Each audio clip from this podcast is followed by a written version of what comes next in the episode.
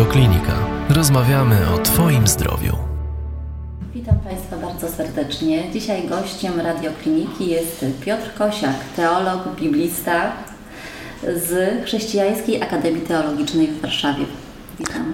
Witam serdecznie. Dzisiejszy temat będzie dość nietypowy.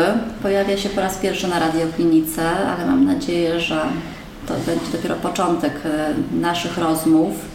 E, dzisiaj chcielibyśmy porozmawiać o temacie bardzo trudnym, szczególnie dla rodziców, którzy zetknęli się z takim właśnie lękiem o życie i zdrowie swojego dziecka, zetknęli się z bólem, z chorobą, e, doświadczyli niektórzy także śmierci dziecka. Jak poradzić sobie w ogóle, Piotrze, z tym, że gdy dowiadujemy się, że mamy dziecko z jakimiś chorobami, ma się nam urodzić chore dziecko, jak wtedy znaleźć sobie, w sobie te siły, które są nam potrzebne do dalszej walki?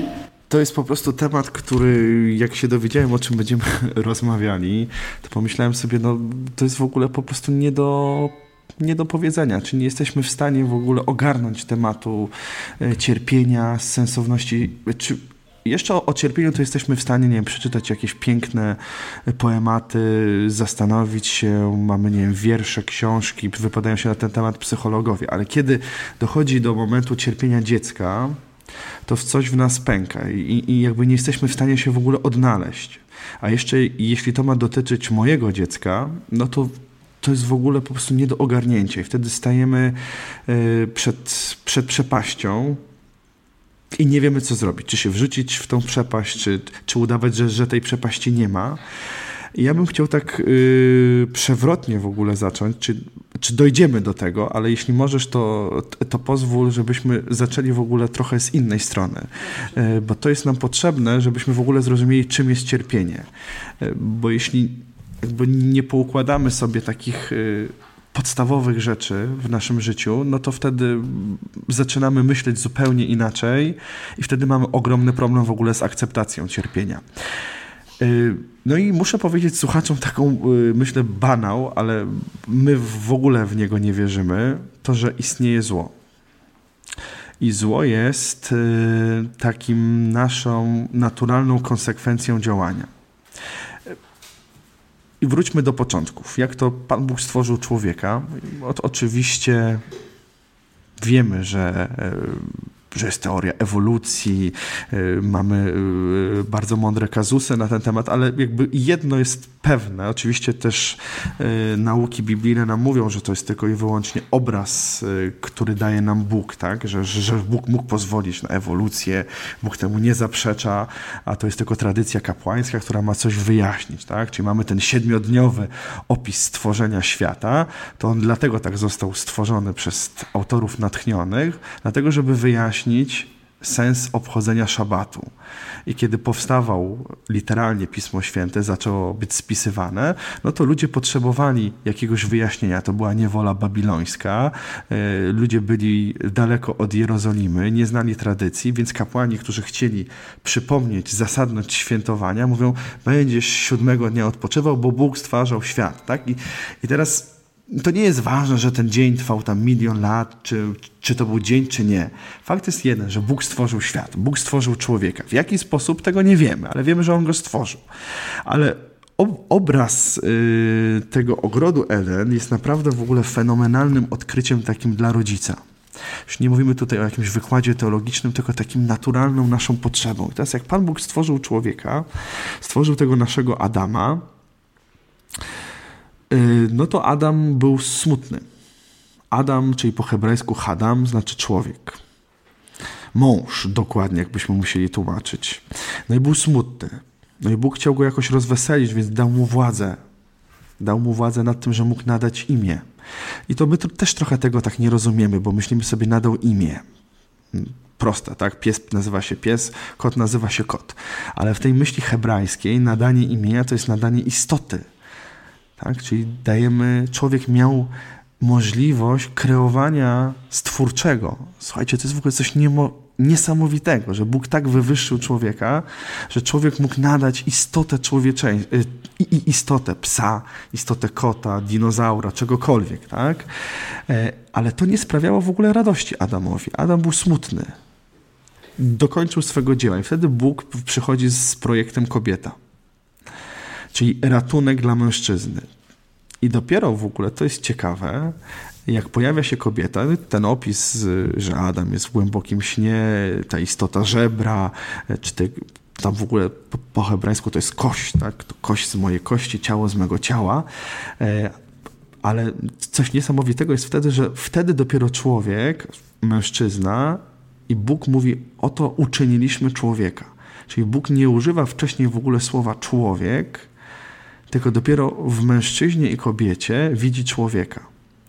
No i tutaj dopiero to jest taka oczywistość, że, że zanim się pojawią dzieci, no to musi być mężczyzna i kobieta, tak? Jasne, prawda? Ale tak popatrzmy sobie, jaka wartość jest w tym, że jesteśmy mężczyzną i kobietą i dopiero wtedy jesteśmy człowie, człowiekiem. I teraz nasz owoc miłości, każdy z nas to przechodził, pewnie wszyscy w większości jesteśmy w małżeństwie, żyjemy w małżeństwie, mamy różne Mm, staża swojego małżeństwa.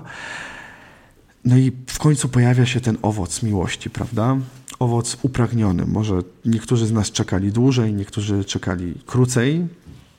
No i dowiadujemy się, że nasze dziecko, upragnione dziecko jest w ogóle absolutnie, nie wiem, chore, y, są nam robione badania prenatalne i lekarz próbuje powiedzieć, że nasze dziecko na przykład będzie miało zespół Downa y, albo jakąś wadę genetyczną, czy dowiadujemy się, że sami nosiliśmy, y, jesteśmy nosicielami jakiejś choroby genetycznej, o czym w ogóle nie mieliśmy bladego pojęcia. No i zaczyna się dramat.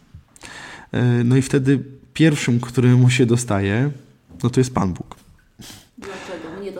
Dlaczego mnie to spotkało? No i po prostu wtedy jest ogromna rozpacz. I wtedy wylewamy wszelkie swoje pomyje na Pana Boga, mówiąc dlaczego?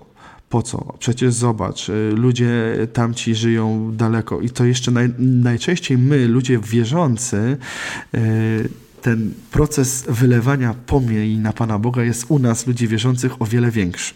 Bo wtedy sobie my myślimy tak, e, przecież ci obok, prawda, moi sąsiedzi, no to przecież on ją zdradza on ją y, ma jakieś lewe interesy y, i im jakoś to idzie. Dzieci zdrowe, chodzą do szkoły, wyjeżdżają na wakacje, a my księdza po kolędzie przyjmujemy, do wspólnoty należymy, a nam ciągle pod górę. No dlaczego tak jest, Boże? I, i, I, myślę, że, że mamy takie historie. Pewnie każdy z nas mógłby powiedzieć, że był taki moment, kiedy zadałem pytaniu, dlaczego, prawda? Co mi to daje, że chodzę do kościoła, jak i tak mam ciągle pod górkę? A ci inni no to mają inaczej, mają lepiej. No tak, matka pije, tak, urodziła zdrowe dziecko, tak? tak. Matka nie dbała o siebie w ciąży, ja dbałam, urodziłam y, chore dziecko. Tak jest, albo mamy jakieś, y, teraz jest, sam jestem nauczycielem i obserwuję y, te wszystkie diety naszych uczniów, swoich dzieci. No tego jest mnóstwo, prawda? Kiedyś tego nie było i tak sobie czasami rodzice mówią, ale przecież tamta alkoholiczka nic nie dbała, prawda? W ogóle nic. Dziecko zdrowe, żadnych alergii, a ja tutaj orzechy brazylijskie, tego nie, serów nie, poradniki medyczne, a dziecko urodzi się, z, no i niestety musi być bezglutenowe, prawda? A przecież nie jadłam glutenu, diety cud, chodziłam, nie wiem, na, na różne tam zabiegi, ćwiczyłam, no i prawda, nie no tak, jest inaczej. Przestrzegałam diety, a dziecko ma alergię, tak? Czy ty, tak zwracam uwagę? No tych przypadków jest mnóstwo. Tak, i zadajemy sobie pytanie ciągle dlaczego, dlaczego, dlaczego, dlaczego. E, no i, i jeśli będziemy sobie zadawać ciągle te pytanie dlaczego, to nigdy na nie nie znajdziemy odpowiedzi. No to nie jest niestety filozofia, y, gdzie możemy zadać sobie pytanie dlaczego i dochodzimy do istoty. W wierze, wierza, wiara nie jest filozofią, wiara jest relacją. teraz jeśli będę zadawał pytanie, taka mała dygresja małżeńska, ale myślę, że bardzo potrzebna. Że jeśli zadaję pytanie na przykład swojemu mężowi, dlaczego mnie nie przytulasz? To on nigdy nie udzieli mi odpowiedzi na to pytanie. A jeśli mu zakomunikuję, prawda, że słuchaj, czuję się bardzo samotna, nie przytulasz mnie, to wtedy zupełnie jego reakcja jest zupełnie inna, wtedy dochodzi to do niego. I tak samo jest z Bogiem. Bóg nie jest jakąś kukłą, nie jest figurą, nie jest y, plastikowym obrazem, który gdzieś tam wisi y, w naszym y, życiu, w naszym pokoju.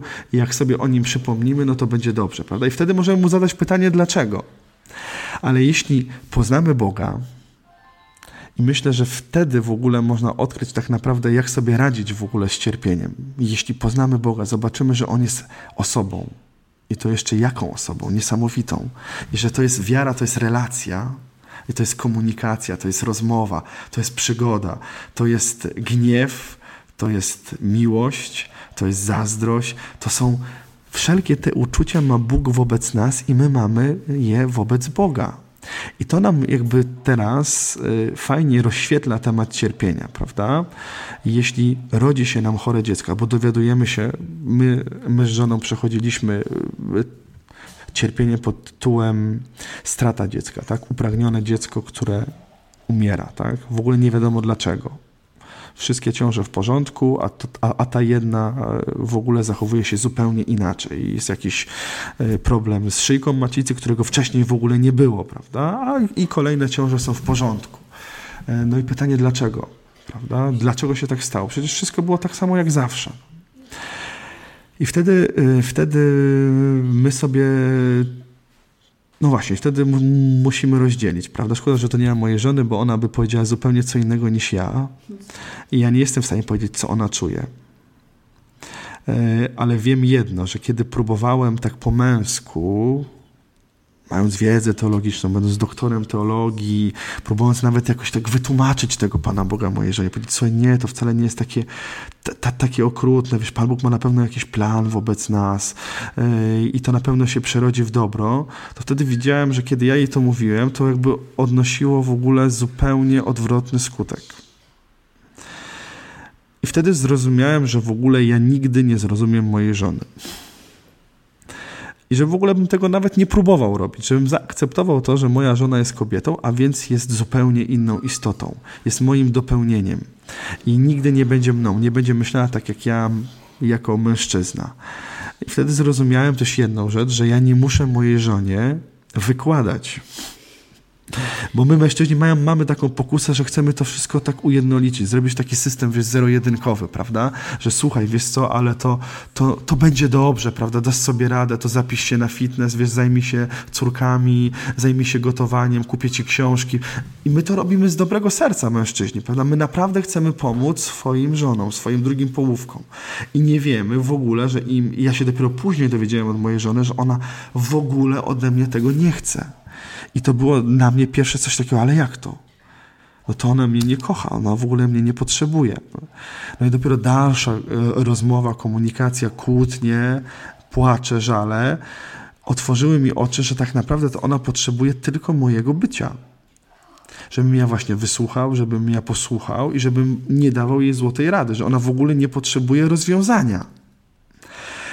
I to jest kluczowe w myśleniu o cierpieniu. Naprawdę. Zaraz do tego dojdziemy, bo, no bo to jest droga, prawda? I myślę, że trzeba sobie też dać przyzwolenie w wierze, i to jest bardzo ważne, na rozpacz.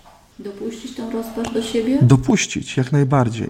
Nie próbować jej e, jakoś naukowo rozwiązać, nie próbować jej od razu zabijać religią. Przepraszam, że użyłam tego słowa zabijać religią, ale myślę, że też to wyjdzie w naszej audycji. Tylko naprawdę po ludzku dać sobie czas na to, że ja jestem zły, że ja tego nie rozumiem, że to jest po prostu okrutne że ja nie mam rozwiązania. I teraz dać sobie czas na to, żeby płakać, żeby być zły. I to jest w ogóle wtedy prawdziwa relacja z Bogiem. I wtedy nawet pozwolić sobie w relacji z Panem Bogiem na to, żeby Bogu wykrzyczeć. I teraz zadajmy sobie pytanie, czy nasza modlitwa tak wygląda nie będzie tak wyglądała, dopóki będziemy na poziomie, y, na poziomie naszych dzieci, tak? Czyli które się przygotowują do pierwszej komunii, albo gdzieś tam są po rocznicy, albo są w gimnazjum, które myślą, że jak mówimy o modlitwie, no to, to mówimy o tym, czy zmówiłeś paciorek, prawda? Często, tak, wyklepanie, tak. I często na przykład moi koledzy księża mówią, że to jest najczęstszy, najczęstsze pytanie, kiedy tam dochodzi do, do spowiedzi i, i człowiek mówi, no nie mówiłem paciorka, prawda? I to mówi 60-letnia kobieta, prawda? No i sobie ten ksiądz myśli, kurczę, ale przecież to w ogóle nie o to chodzi. Paciorek, no.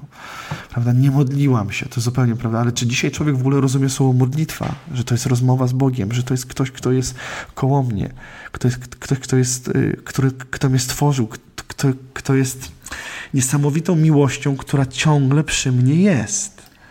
Prawda? To jest tak jak mąż czy żona, prawda? I teraz tak, czy my tak rozmawiamy? Wiesz, e, cześć Ewo, w imię Ojca i Syna i Ducha Świętego, miło Cię zobaczyć. Fajnie, że jesteś, fajnie, że wróciłaś z pracy, prawda? Bo tak wygląda nasza modlitwa paciorkowa, tak? I wyobraźmy sobie, że tak rozmawiamy y, z, z naszą drugą połową, prawda? Bogu to nie jest miłe. Oczywiście Bóg się cieszy. Tutaj nie chcę y, jakby mówić o tym, że nie powinniśmy się modlić modlitwami, które nas nauczył Kościół, jak najbardziej.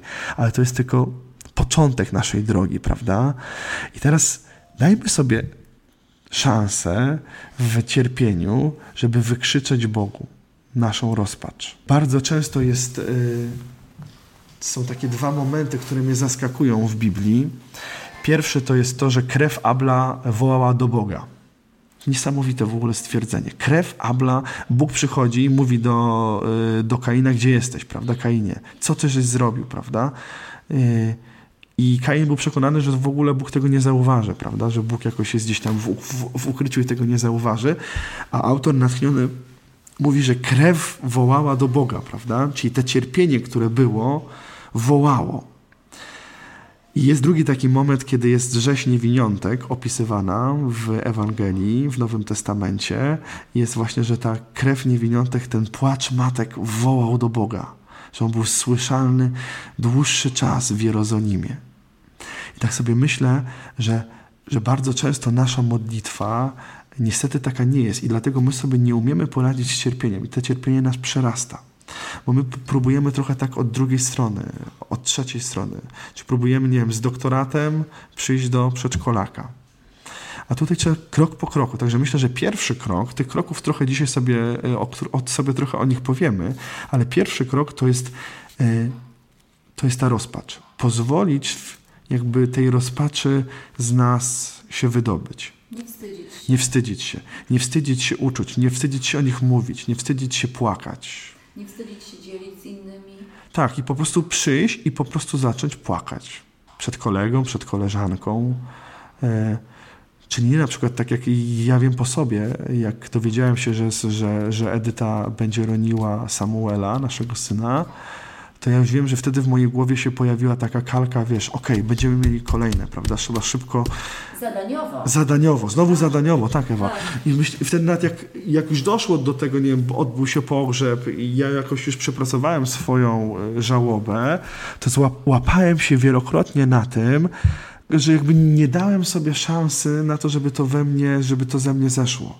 Czyli wiesz, a to spokojnie, wiesz, mam co robić, yy, mam pracę, mam dzieci, mam dziewczyny, muszę się zrobić to, muszę zrobić tamto.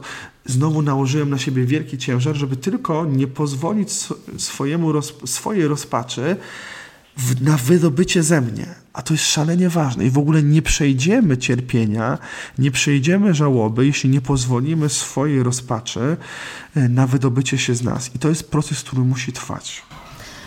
A często jest tak, że ludzie wstydzą się swojego cierpienia, wstydzą się swojej takiej e, słabości zewnętrznie, na zewnątrz, nie chcą okazywać przed, e, nawet przed sąsiadami, przed, nawet przed rodziną, tak, że coś jest nie tak. I e, chowają, obudowują się takim pancerzem. Tak.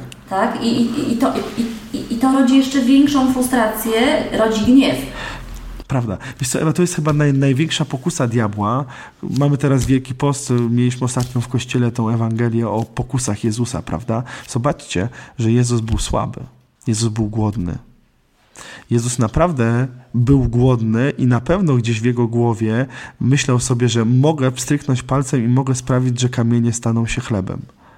40 dni nie jadł. Jest słaby. W ogrójcu Jezus jest słaby poci się tak, tutaj lekarze, kiedyś miałem taką fajną audycję e, z lekarzem, e, który mówił, że jest taki stan w człowieku, że ta agonia, strach przed agonią jest tak wielki, że strach może się e, tak produkować. Nie jestem lekarzem, więc nie umiem tego tak mądrze powiedzieć, że rzeczywiście człowiek może się zacząć pocić krwią. Że Jezus był w ogromnym lęku, w ogromnym lęku.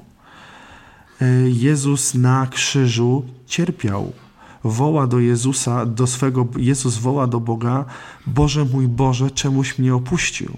W Jego człowieczeństwie odgrywa się dramat. Jezus pozwala sobie na rozpacz. To nie było takie odśpiewanie psalmu, bo my wiemy, że to jest fragment psalmu, tak? Eloi, Eloi, lama, sabachthani, Boże mój Boże, czemuś mnie opuścił. Znamy ten psalm, kto troszkę tam czyta Biblię, prawda? Nie od święta. E, Jezus się tam nie modlił w radości i w uniesieniu, że zaraz idzie do Ojca. Wołał rozpaczy. Wołał w rozpaczy, tak?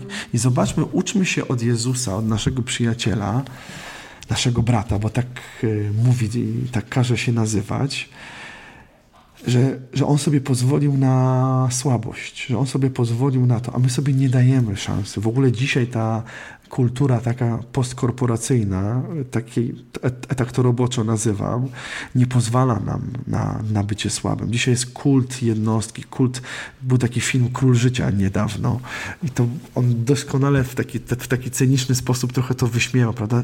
Ale to jest, to jest pierwsza pokusa diabła. Ty musisz być królem życia. Nie możesz okazywać słabości. Nie, zginiesz. bo zginiesz, nie możesz. I zresztą nam rodzice od urodzenia dają największe kłamstwo. Ja pamiętam, jak mój tata zawsze mówił, śmieć twardą dupę. Przepraszam, że używam takiego słowa, bo po prostu ludzie ciebie zjedzą, prawda? Nie możesz się okazać, wiesz. Pamiętam, jak tata mówił, nie możesz płakać. No właśnie, to jest ta krzywda, którą też robimy, tak trochę zbaczając z dzieciom własnym. Tak, oczywiście możesz płakać. Chłopcy płaczą. Oczywiście. I mają prawo płakać. I tutaj my sobie próbujemy właśnie takie, takie wbijać takie kolce, takie kołki po prostu w serce, które nam y, blokują y, w ogóle i, wy, i, i wypaczają cierpienie. I to jest robota demona. Demon nam nie chce pozwolić na słabość, bo wie, że ta słabość nas doprowadzi do Boga że te cierpienie nas doprowadzi do Boga, że ta rozpacz nas doprowadzi do Boga. Dlatego mówi, nie, no sobie nie możesz się mazgaić. I on wtedy, y, on wtedy jest, diabeł jest inteligentną istotą, jest aniołem, upadłym, jest o wiele inteligentniejszy od nas. Jak usłyszałam niedawno, jest istotą piękną, choć upadłą. Choć tak, jest istotą piękną i te piękno wielokrotnie w jego myśleniu i intelekcie wychodzi. I on nam bardzo często, tak jak mówił święty Ignacy Loyola, diabeł ma bardzo często taką pokusę ojciec ciemności, żeby się przebierać za ojca światłości. I on nam przychodzi często nawet z bożymi rzeczami. Zobaczcie, że diabeł kusi Jezusa nie byle jakimi pokusami. On go kusi Pismem Świętym. On cytuje Pismo Święte. On wie, jak kusić Jezusa. E, nie mówi jakichś błahych rzeczy, które Jezus by nie zrozumiał. On po prostu cytuje Pismo Święte. I do nas też może przyjść z takimi, słuchaj, ale przecież zobacz, przecież Bóg e, nie od, kazał nie oddawać takiej, jak ktoś go uderzył w policzek, no to zapytał się dlaczego, prawda?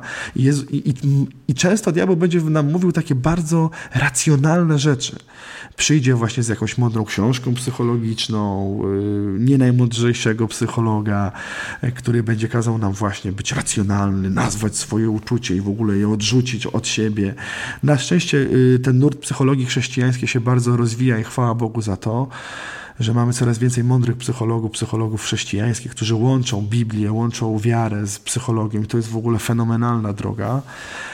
I, i, to jest ten pierwszy krok nie, nie bądźmy królami życia, czyli nie udawajmy, że e, wiadomość o tym, że nasze dziecko jest chore, czy w ogóle ja mam jakąś chorobę, której nie akceptuję, jest wesołą wiadomością. Nie jest jest smutkiem i pozwólmy sobie na to, żebyśmy się wypłakali. I teraz, jeśli jesteśmy w małżeństwie, to jakby dajmy sobie szansę obydwoje na to, że możemy cierpieć.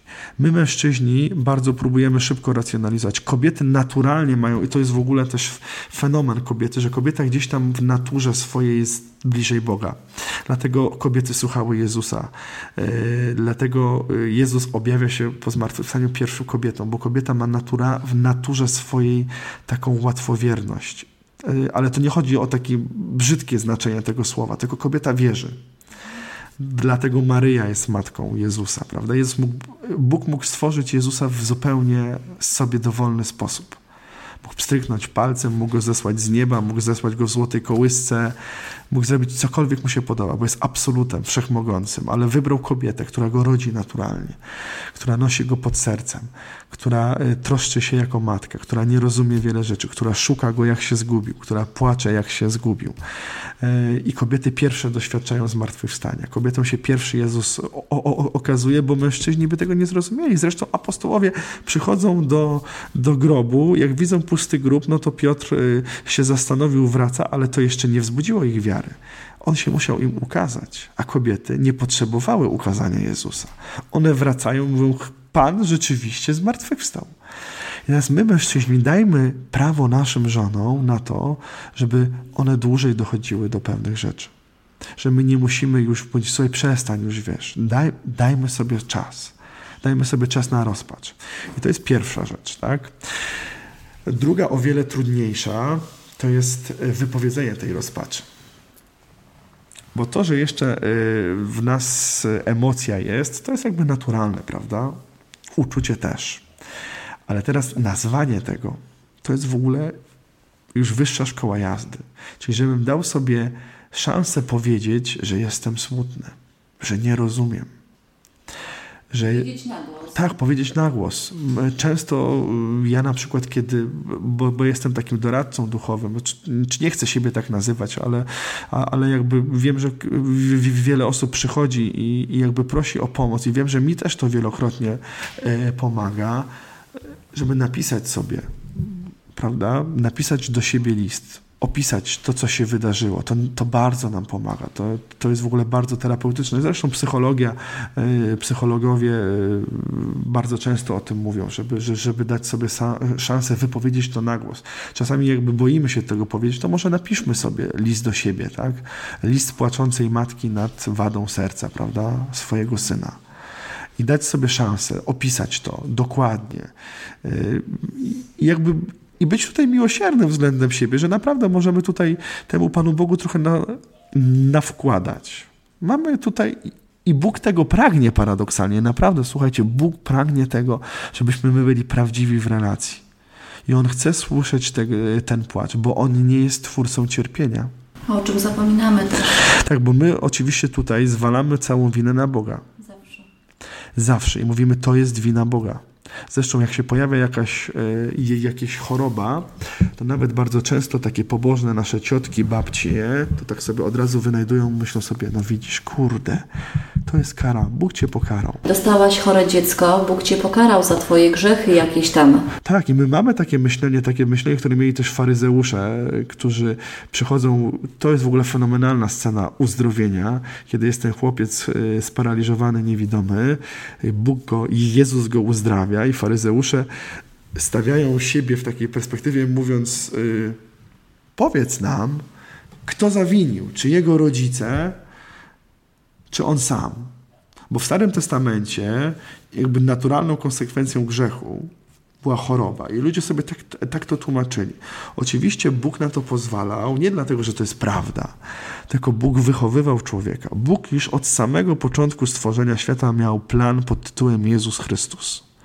I wszystko dążyło do Betlejem i do stajenki betlejemskiej. Tylko musiał nas nauczyć tego, tak? To musiało się odbyć, tak? To, to, to musiało zadziać się. I, I to jest naturalne, że, że, że, że też jest taka w nas ta, taka pokusa myślenia, że to jest kara Boża, prawda? Dlatego też e, właśnie, e, Piotrze, wydaje mi się, że e, taka w nas trudność, żeby się tą swoją rozpaczą, cierpieniem, przyznaniem się często, jak jesteśmy w ciąży, że temu dziecku coś jest, jest taka trudność podzielenia się ze światem tym. Mhm. Wynikająca z tego, że właśnie co, co powie otoczenie na to. Tak, właśnie, bo wtedy powie na przykład nasza pobożna mama, yy, powie, widzisz, słuchaj, no to jest na przykład, widzisz, żyliście bez, bez ślubu, prawda?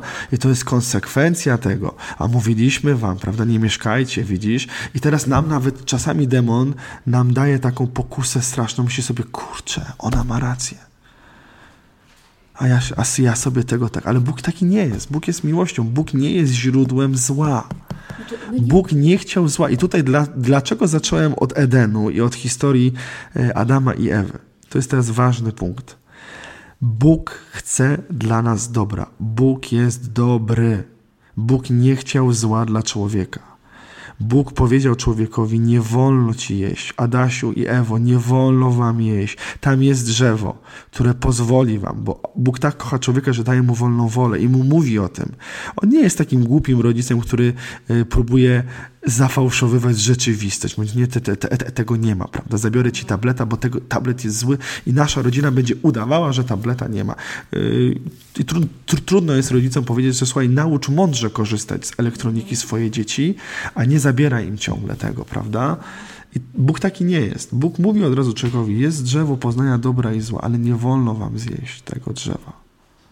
Nie wolno wam zjeść, bo to będzie dla was złe. Wy macie, Bóg chciał dla nas dobra. Bóg chciał, wtedy nie byłby potrzebny Jezus. Jezus nie musiałby przechodzić na świat, nie musiałby zbawić człowieka.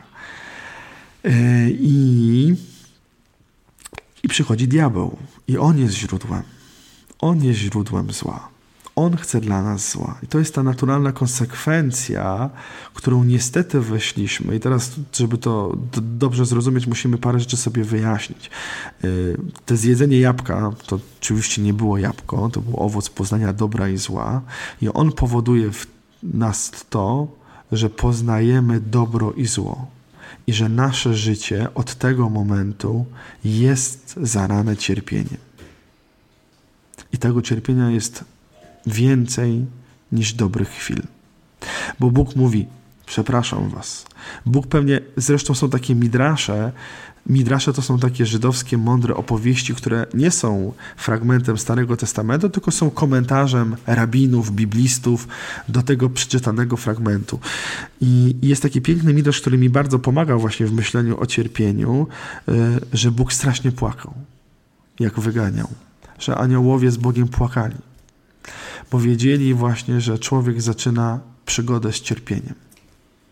I to był straszny płacz. I w ogóle te rzeki, które e, były w ogrodziu, które możemy przeczytać sobie na początku drugiego rozdziału Księgi Rodzaju, to one były, tam był potop. Potop e, łez Boga i aniołów. I teraz naturalną naszą konsekwencją grzechu pierworodnego, który w nas jest, i zresztą nawet nie musimy być ludźmi wierzącymi. Człowiek, który y, ma trochę, trochę używa rozumu, wie, że w nim, jest dobro i zło. Że jest coś, co go ciągnie do rzeczy dobrych, ale jest też coś, co mówi mu, że ma robić coś złego. Filozofia to nazywa taką synerdezą, czyli takim prasumieniem, które jest absolutnie niezwiązane z religią. Ma, ma go każda żywa istota rozumna, czyli człowiek.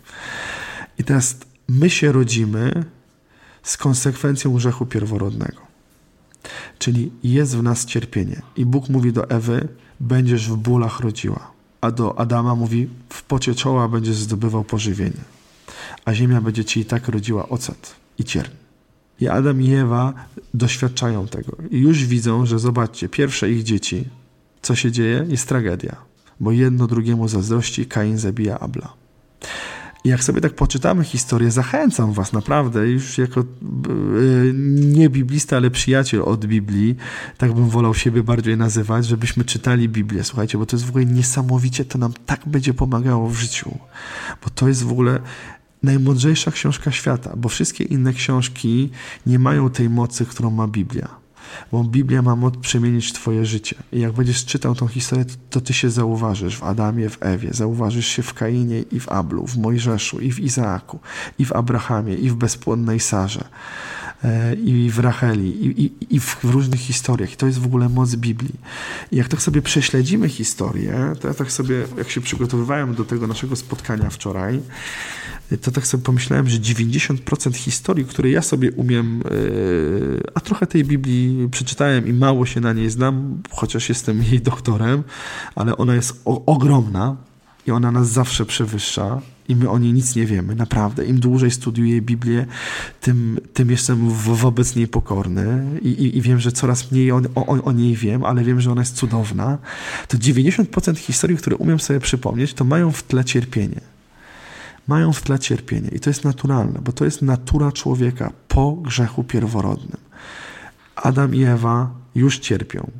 Kain i Abel już cierpi. Znowu kolejny, mówiąc o Abrahamie, prawda? Bezpłodny, czeka na syna, chociaż po ludzku mu się układa, ale, ale nie ma czegoś, czego, o czym marzy. Nie ma, nie ma upragnionego syna, prawda? I próbuje po ludzku kombinować mnóstwo tych historii. E, I to jest właśnie natura człowieka że nie Bóg dla nas chce cierpienia. Nie Bóg dał mojemu synowi e, chore serce. Nie Bóg zabrał mojego Samuela.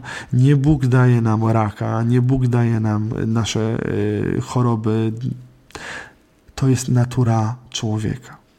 To jest nasza kondycja. To jest coś normalnego. I to jest trzeci krok, czyli tak. Pozwoliłem sobie na rozpacz nazwałem tą rozpacz, czyli znalazłem sobie przyjaciela, przyjaciółkę. Nawet tą przyjacielem może być kartka, o czym mówiliśmy, może nagranie, może napisanie na Facebooku. Można różne rzeczy zrobić, prawda? Ale, a, ale przyznać się do tego, tak? To szalenie ważne. No i ten trzeci krok, e, trzeci krok to jest powiedzieć, że to jest właśnie ta nie jestem sam. I ja tak ten trzeci krok nazywam. Czyli to jest coś normalnego, że jest cierpienie. To jest straszne, jak to słyszymy. Pogodzenie się z cierpieniem? Tak, pogodzenie się z cierpieniem, czyli po prostu zaakceptowanie tego, że to jest naturalna konsekwencja bycia człowiekiem, że nie ma y, możliwości życia bez cierpienia. I teraz uwaga, cierpienie jest nawet w tych rodzinach, w których ci się wydaje, że jego nie ma. Czyli jak tobie się wydaje, że w ta alkoholiczka, która rodzi e, e, dziecko jest szczęśliwa i nie ma cierpienia, to się mylisz. Bo ona cierpi tak samo jak ty. I jej cierpienie nie jest większe lub mniejsze od twojego. I to jest ta pokusa e, zielonej trawy. Że trawa u sąsiada jest bardziej zielona. Ale tak nie jest. Ona jest dokładnie tak samo zielona jak u ciebie. Bo mamy taką tendencję, porównujemy z kimś, tak? Tak, tak. I w tym cierpieniu my, my, my, też się próbujemy porównywać, prawda? I mówimy, nie no, ale to... I później też jest tak, że jak już trochę się oswoimy z cierpieniem, to już próbujemy przeginać w drugą stronę i próbujemy mówić tak, ale te moje cierpienie to jest bardziej cierpieńsze od twojego, prawda? Co ty możesz wiedzieć, prawda? Tak, o moim cierpieniu.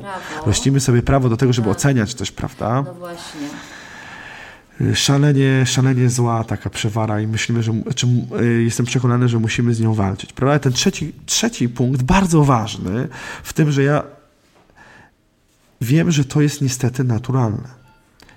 I tutaj bardzo pomocną taką rzeczą jest to na przykład, jak pamiętam naszego y, ginekologa, który, y, jak sobie dzisiaj to przypominam, powiedział właśnie nam, słuchajcie, ale to jest normalne 40% ciąży się roni. To było jedno zdanie lekarzy. I ja, ja wtedy to potraktowałem. Myślę sobie, kurde, może sobie powiedzieć. W białym kiterku lekarz i mówi, że to jest normalne. Ciekawe, czy by tak powiedział, gdyby to było jego dziecko. By tak powiedział do, do swojej żony. Tak, ale on, on to mi zracjonalizował. To jest szalenie ważne. Żonie nie, żony nie, ale, ale, ale ona pewnie, yy, żona już w wyniku trzech lat jakby pracy nad tym, jakby wiele historii, które się wydarzyło później. Myślę, że też do tego dochodzi, że że bardzo często na przykład jak już na, jesteśmy gdzieś, y, gdzie się pojawiają dzieci, prawda, i sami gdzieś tam jesteśmy w ciąży, to jakby bierzemy to do siebie, prawda, że to wcale się nie musi, znaczy wierzę, że, y, że ciąża skończy się sukcesem, ale wiem, że ona się nie musi skończyć sukcesem że Bóg może dać mi ciążę na parę chwil, bo taki miał plan. I chciał, żeby ono żyło 6 miesięcy. Ten mój Samuel, czy ta moja Hania, czy ta moja Ania, czy żyła 18 dni. I to był jego plan. I to jest te dziecko, które miało tyle być.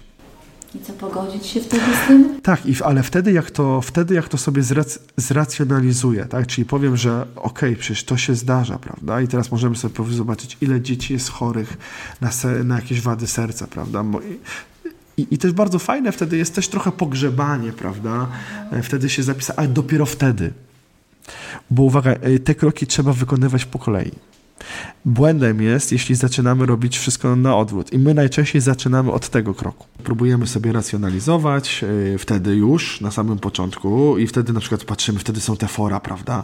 Nie mogę zejść w ciążę, więc yy, forum, prawda, czekających na, na dziecko. Wtedy, I wtedy już wiemy, prawda, że jak mam ból brzucha po lewej stronie, tak. I, i wtedy kobiety są w ogóle w tym mistrzami, yy, prawda, w takim. Kobiety tak próbują racjonalizować? Tak, bardzo. Tylko się tego, do tego nie, wiesz, nie potraficie przyznać, ale zobaczcie, ile jest was zarejestrowanych na tych forach medycznych, prawda? E, a to jest absolutna racjonalizacja tego wszystkiego, tak?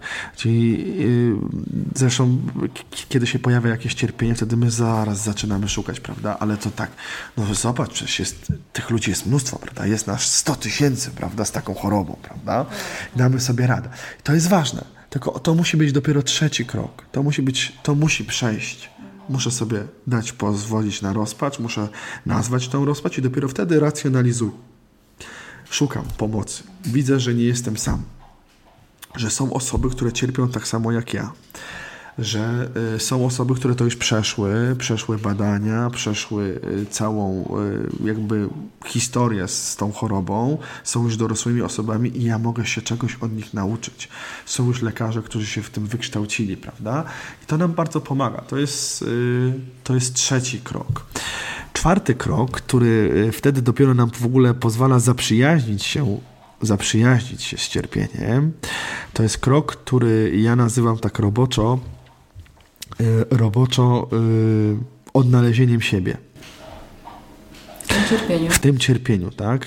Y, to jest dopiero czwarty krok, czyli ja dopiero siebie w tym odnajduję. Ja jako Piotrek Kosiak odnajduję się w cierpieniu moich, w chorobie moich dzieci, prawda? Jak ja to widzę? Jak ja na to patrzę?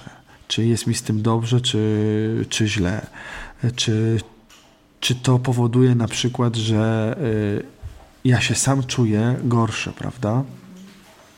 Że to dotyka y, jakoś mnie mentalnie, prawda? Że to mnie jakoś poniża. I wtedy się przyglądamy dopiero sobie, prawda? Ale to dopiero jest czwarty krok, żeby zacząć tak otwarcie patrzeć na siebie, czy co to powoduje. I wtedy możemy w ogóle odkrywać kopalnie wiedzy o sobie. I wtedy na przykład widzimy, że zakładamy maski, że próbujemy te cierpienie jakoś tak rozweselić, że próbujemy na przykład wtedy być takim aktywnym rodzicem i wtedy, prawda, na przykład y, udawać, że tego cierpienia nie ma i wtedy żyjemy jak normalnie, prawda? Czyli próbujemy, nie wiem, zapisać się na setki sportów, te nasze chore dziecko, próbujemy, nie wiem, jeździć z nim, wjeżdżać z nim na Monteverest. Yy, trywializuję, ale, ale doskonale chyba czujesz, o, o, o czym mówię, prawda? Że wtedy próbuję, jest ok, prawda? Działanie jest lepsze dla nas wtedy nic tak, niż takie nic nie robienie. I to działanie nam pozwala zapomnieć. Mhm. Zapomnieć o cierpieniu. Też chyba nie jest do końca dobre. No nie, właśnie, bo zobaczcie, ja nazwałem czwarty krok jako odkryciem siebie w cierpieniu, tak? Zaprzyjaźniam się z cierpieniem, odkrywam siebie w tym cierpieniu. Siebie że te cierpienie pokazuje prawdę. No bo skoro uznałem, że cierpienie jest naturalną moją konsekwencją, więc ja w tej konsekwencji jakoś muszę być, tak? Ja z całą swoją historią życia, z moim charakterem, emocjami, muszę się odnaleźć w tym cierpieniu. I teraz jakby pozwolić sobie trochę pogrzebać, prawda? Trochę się pośmiać też z siebie. To jest dobry moment na to, żeby trochę właśnie też otworzyć się przed innymi i powiedzieć, prawda? I wtedy fajnie jest, jak się spotykamy w takim gronie i na przykład zaczynają mówić, że słuchajcie, a my, no jak dowiedzieliśmy się o tej chorobie, to w ogóle, wiesz, po prostu siedzieliśmy przez dwa lata w Google, prawda? I siedzieliśmy, wiesz, i wtedy, wiesz co, ale Ewa, ja to samo zrobiłem. I wtedy czujemy wspólnotę, prawda? Że my dokładnie reagujemy tak samo na to wszystko, prawda? Albo wiecie co, no bo ja później zapisałem moje dziecko na karate, yy, no i ono biedno tam sapało i w ogóle się nie odnajdowało, ale, ale ja siedziałam tam i byłam dumna z siebie, albo byłem dumny z siebie, że on jest karateką, prawda? Yy. I wtedy dopiero możemy zobaczyć, o kurde, przecież to jest w ogóle jemu niepotrzebne, prawda? Że, że, że, że ten mój syn czy, czy, moja córka wcale w ogóle tego nie potrzebuje, prawda? Że potrzebuje zupełnie czegoś innego w tym cierpieniu. Ale to jest fajne i to jest w ogóle naturalne i jakby tego też się nie bać, tak? To jest moja naturalna droga do odkrycia cierpienia.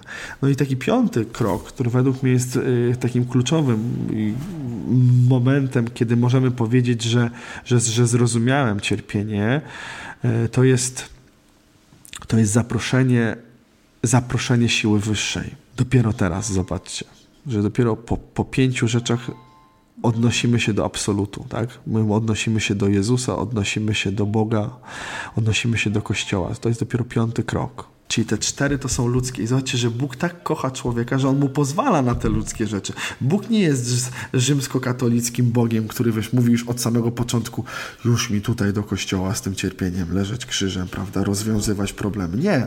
On chce, żebyśmy my to rozwiązali po ludzku. Przepracowali, Przepracowali to w sobie.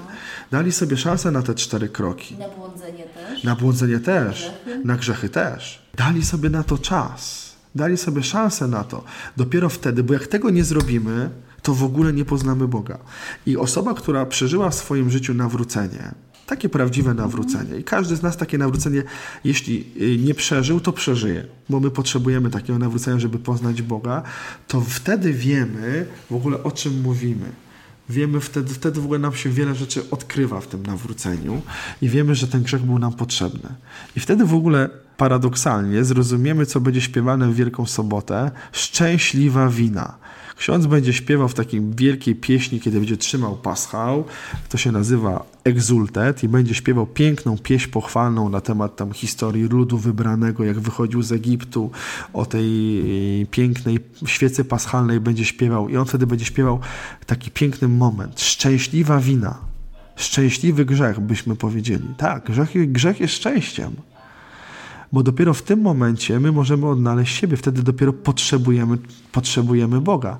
Gdybyśmy nie grzeszyli, to byśmy nie potrzebowali Boga. Byśmy nie potrzebowali Boga.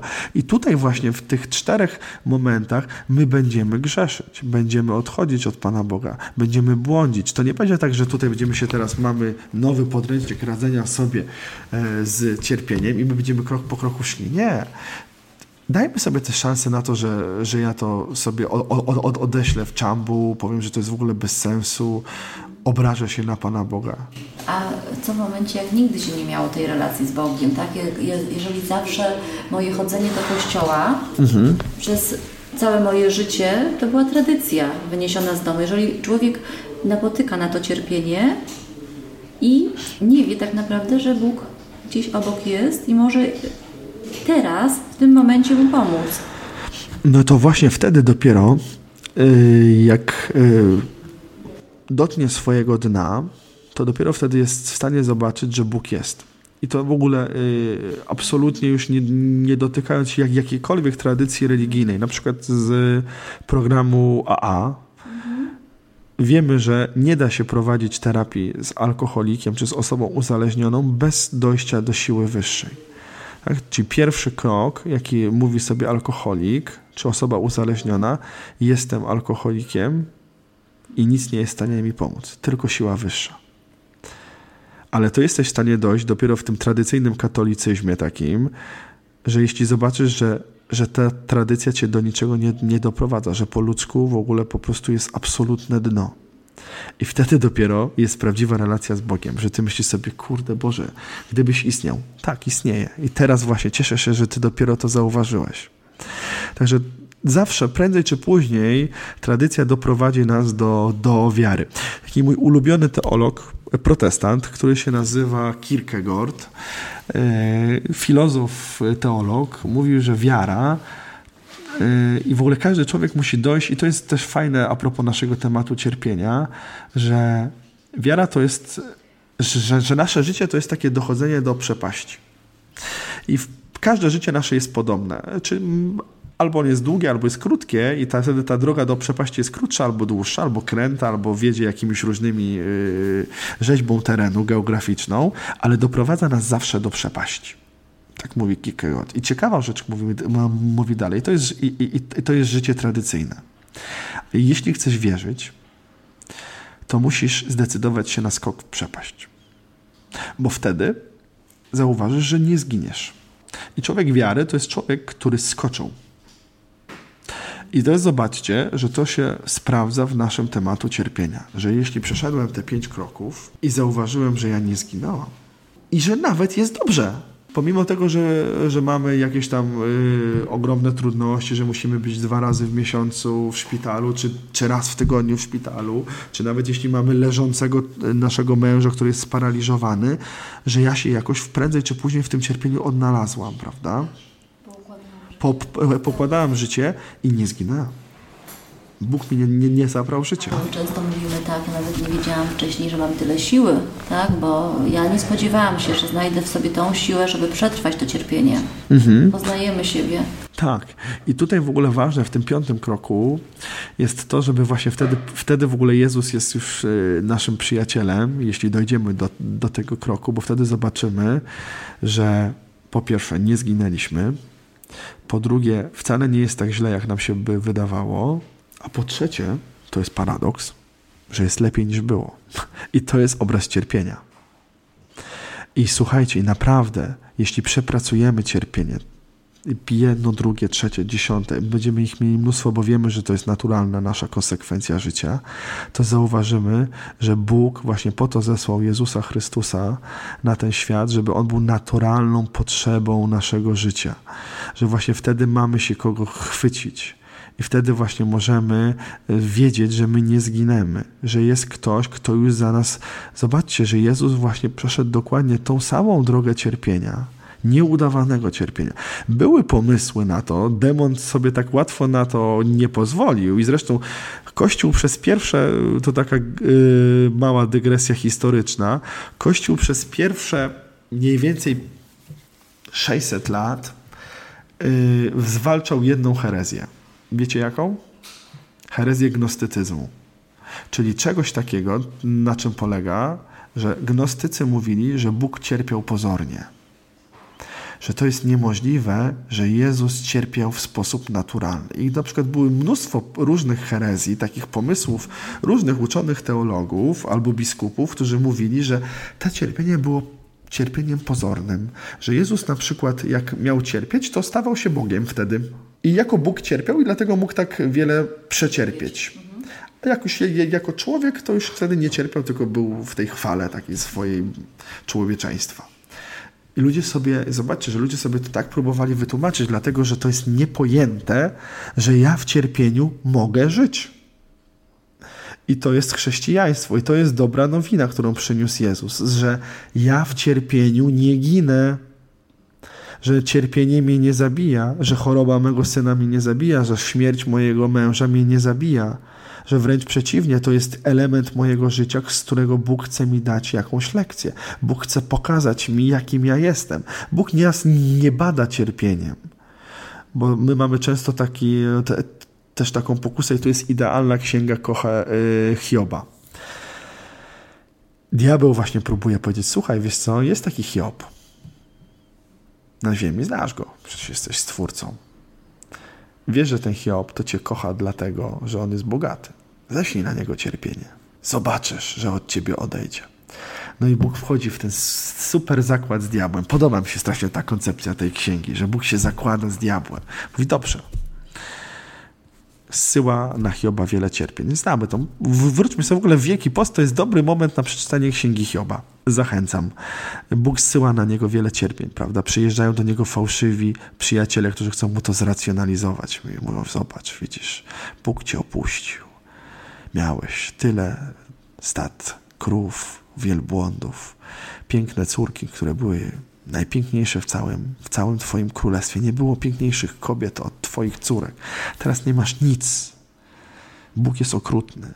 A Hiob mówi, nie, nie mogę złorzeczyć e, wobec swego Boga, bo, bo, bo Hiob miał to doświadczenie, Hiob miał tą wiarę. Hiob, e, bibliści mówią, że Hiob był tym typem Chrystusa już. Że Bóg wiedział, że, że Bóg, e, Hiob wiedział, że Bóg jest dobry że Bóg nie zsyła cierpienia, że nawet jeśli jest cierpienie, to on jest naturalne w moim życiu i one mnie nie zabije. Nawet jeśli mój syn umrze, to jest tragedia i wtedy mamy czas, mamy cztery aż kroki na to, żeby pożyć ze swoim cierpieniem, pożalić się, wytulić, znaleźć tą osobę, nazwać to. Przed chwilą o tym mówiliśmy, ale jest ktoś, kto jest gwarantem tego, że Bóg jest dobry. Fajny jest film. Yy, taki ostatni film jest taka plaga tych filmów takich y, teologów protestanckich. On, one są świetne. Nie bójmy się w ogóle oglądać takich rzeczy. Kościół jest jeden. E, I oni, y, ten film jest rewelacyjny. Film pokazuje mm, Bóg nie umarł, taki jest tytuł tego filmu. Polecam bardzo. I tam jest taka postać, y, jest dwóch bohaterów, którzy są pastorami księżmi duchownymi, tak, w kościele ewangelicko-augsburskim, tak nasi księża, wyobraźmy sobie. I, I, jeden z nich ma taki malutki kryzys wiary, tak, i przyjeżdża, to są kumple, przyjaciele. I jeden jest czarnoskóry, drugi jest biały, ten czarnoskóry przyjeżdża gdzieś tam z misji z Afryki, przyjeżdża do niego i po prostu chce spędzić z nim czas urlopowy, mają jakieś plany, chcą gdzieś wyjechać, prawda? No i oni zawsze, już od czasów pewnie studiów teologicznych, zawsze sobie powtarzali, mają takie przywitanie i witają się, Bóg jest i on odpowiada dobry. I ten drugi mówi zawsze jest. I ten drugi odpowiada dobry. I tak się witają zawsze.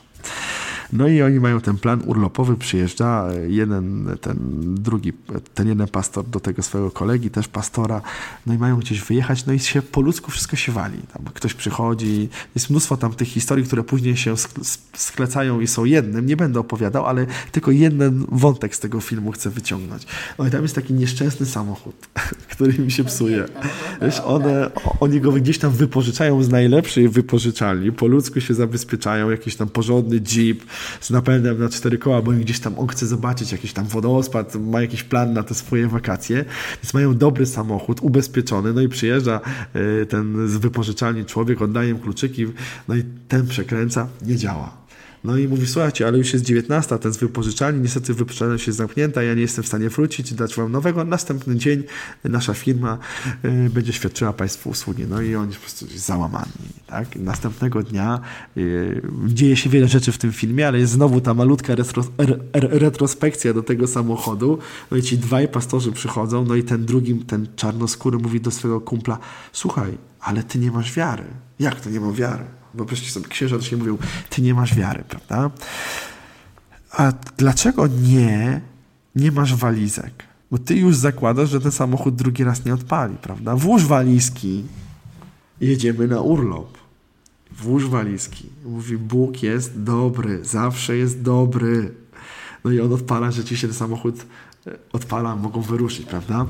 E, ale to, tam, to nam pokazuje trochę taką naszą e, właśnie walkę z cierpieniem, że my też tak próbujemy trochę, że e, tak, tak, Panie Boże, ja wiem, ja już doświadczyłem i to jest nawet pokusa już ludzi, którzy mają przygodę z Panem Bogiem, ale my sobie zostawiamy jeszcze taką kontrolę, prawda?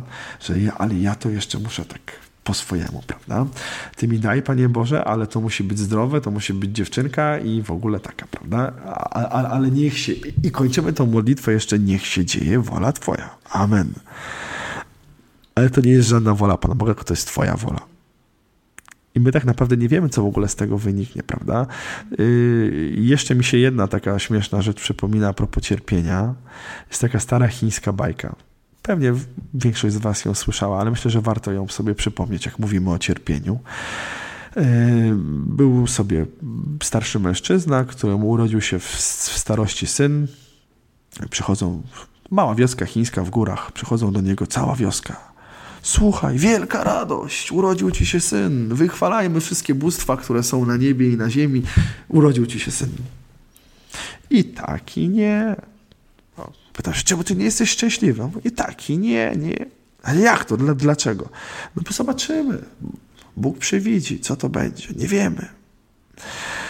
No i druga rzecz, y, przychodzi, przychodzi czas y, taki, że to dziecko już dorosło, czy było bardziej dojrzałe, nauczyło się jeździć na koniu, no i spada z tego konia, łamie sobie nogę okrutnie. Także do końca życia jest kaleką. No i wszyscy przychodzą, ci sami, którzy się cieszyli jeszcze niedawno z narodzin tego chłopczyka i przychodzą. Wielka tragedia. Smutek ogarnął naszą wioskę, bo twój syn stał się kaleką. No on mówi i tak i nie. Wcale nie jestem smutny. I tak i nie.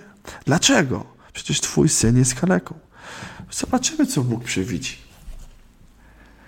No i, i trzeci, a, trzeci odcinek tej historii, kiedy zapada wojna w cesarstwie chińskim, przychodzi dekret cesarza Chin, że musi zabrać wszystkich chłopców do, do wojny. No i ci chłopcy giną w tej wojnie. Przychodzi wiadomość, że wszyscy, którzy z tej wioski wyszli, zginęli na pierwszym froncie. No i wszyscy wtedy przychodzą, mówią, no i miałeś rację, prawda? Bóg, prawda, miał taki plan i my, i my naprawdę nie wiemy w cierpieniu, jakby dajmy sobie też y, zaufać Bogu, że Bóg wyprowadzi z tego cierpienia. Bóg nie jest autorem cierpienia, to powtarzam po raz enty, ale Bóg ma plan na tą naszą chorobę, na to nasze cierpienie. Bóg jakby próbuje po raz piąty, szósty ratować. On ma zawsze plany awaryjne na nasze życie. I on ma już konkretny plan na tego, nie wiem, chorego Antosia, chorą Celinkę Andrzeja. I on ma plan na całe jej życie. On wie doskonale, co ona zrobi. I nas to naprawdę zaskoczy. I wtedy będziemy wychwalać Boga. No, będziemy wychwalać Boga. Naprawdę tak jest. Jestem o tym przekonany, że w tym cierpieniu jeszcze yy, to jest ten piękny psalm, że jak idziemy na zasiew y, i to ziarno upada, to jesteśmy w smutku, ale będziemy zbierać plony w radości. Zbierać plony w radości. To jest cud Ewangelii, że tak się wydarzy. Y, I już tak na koniec, y, nie wiem, czy mamy czas, czy już musimy kończyć, czy chyba nie, tak. Będziemy kontynuować jeszcze temat. Bo temat jest w ogóle nieogarniony, ale jedna historia jeszcze z Pisma Świętego, która obrazuje ten, my, my, myślę, te pierwsze cztery fragmenty, Dawid zgrzeszył z Batrzebą.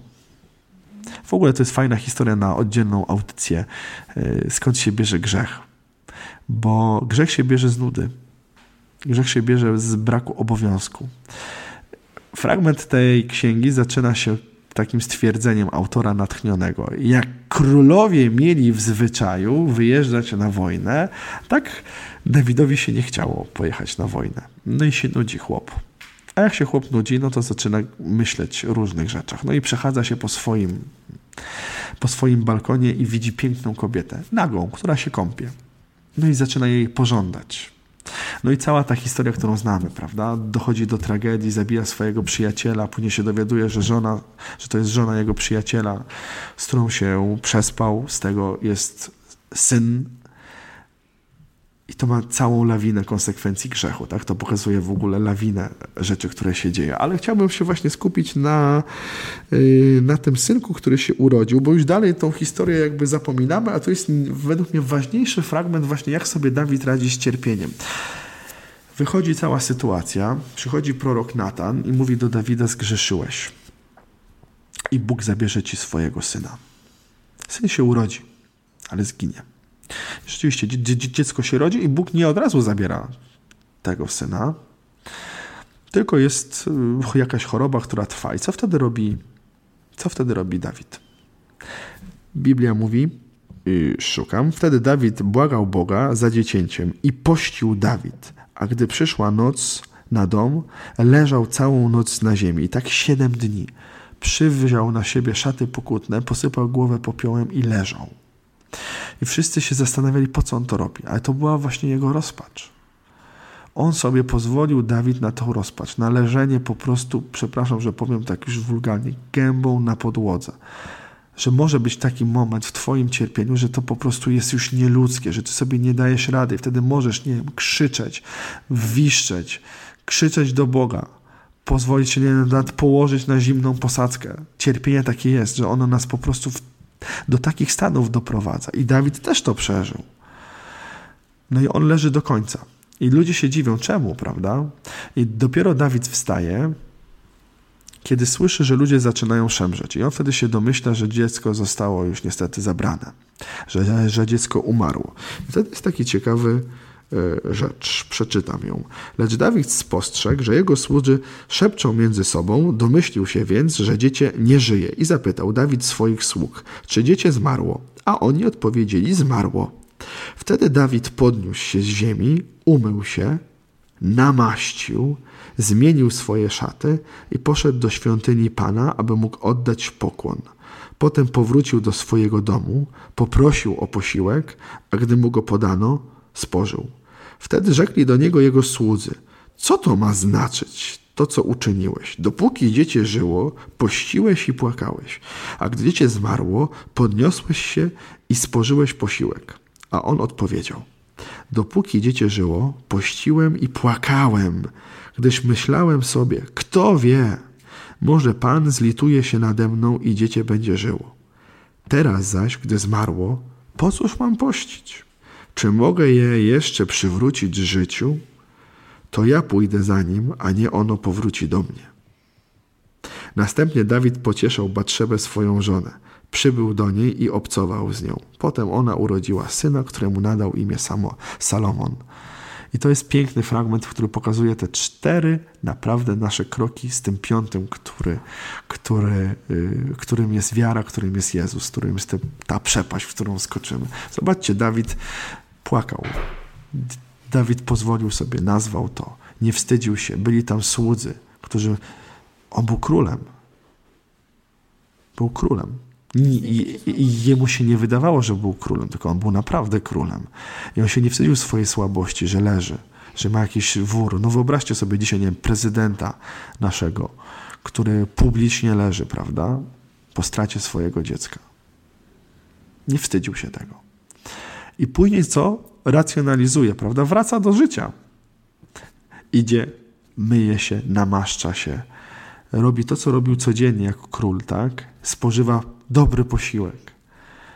Tak? I, to, i, to, I to też jest fajne właśnie. Myślę, że jak, jak, będą kolejne audycje, to, to możemy sobie o tym też pogadać, prawda? Żeby w tym czasie cierpienia też sobie pozwolić na to, tak paradoksalnie, żeby pójść sobie na właśnie na dobry posiłek, żeby, żeby przegadać tą sprawę, tak? Czyli żeby zjeść, zrobić sobie randkę z chorym sercem mego syna, tak? z moim mężem, tak? żeby to z nami było, prawda? żebyśmy my mogli e, w tym pobyć, tak? żebyśmy mogli sobie o tym pogadać, żebyśmy mogli sobie wymie wy wy wymienić to, co się dzieje w nas. Tak? E, mnóstwo takich rzeczy. To jest ogrom, jak zaczęliśmy o tym mówić. Wchodzą inne rzeczy, tak, wychodzą coraz nowe i ja tak myślę sobie, że właśnie dobrym chyba tutaj rozwiązaniem byłoby to, żebyście zadawali pytania, dzielili się tym, co poczuliście, jak słuchaliście i pisali do nas, dzwonili. Tak, to myślę, że to też będzie ten moment y, właśnie, że możemy to wyrazić, prawda? Tak. Może ktoś od wielu lat to w sobie nosi, no i może to jest ten moment, żeby napisać, prawda? Wylać swoje... Tak. Nie wstydźmy się tego. Dziękuję Ci Piotrze za rozmowę. Ja Wam bardzo dziękuję. To była, to była przyjemność. Przyjemność w cierpieniu. Przyjemność w cierpieniu. Bo ja też jestem Waszym bratem w cierpieniu. Wszyscy jesteśmy, tak? Bo wiesz, to o tym wiemy, że jesteśmy braćmi w cierpieniu. Dokładnie. Tym akcentem kończymy. Dobranoc. Dobranoc. Więcej audycji na stronie radioklinika.pl i w naszej aplikacji mobilnej.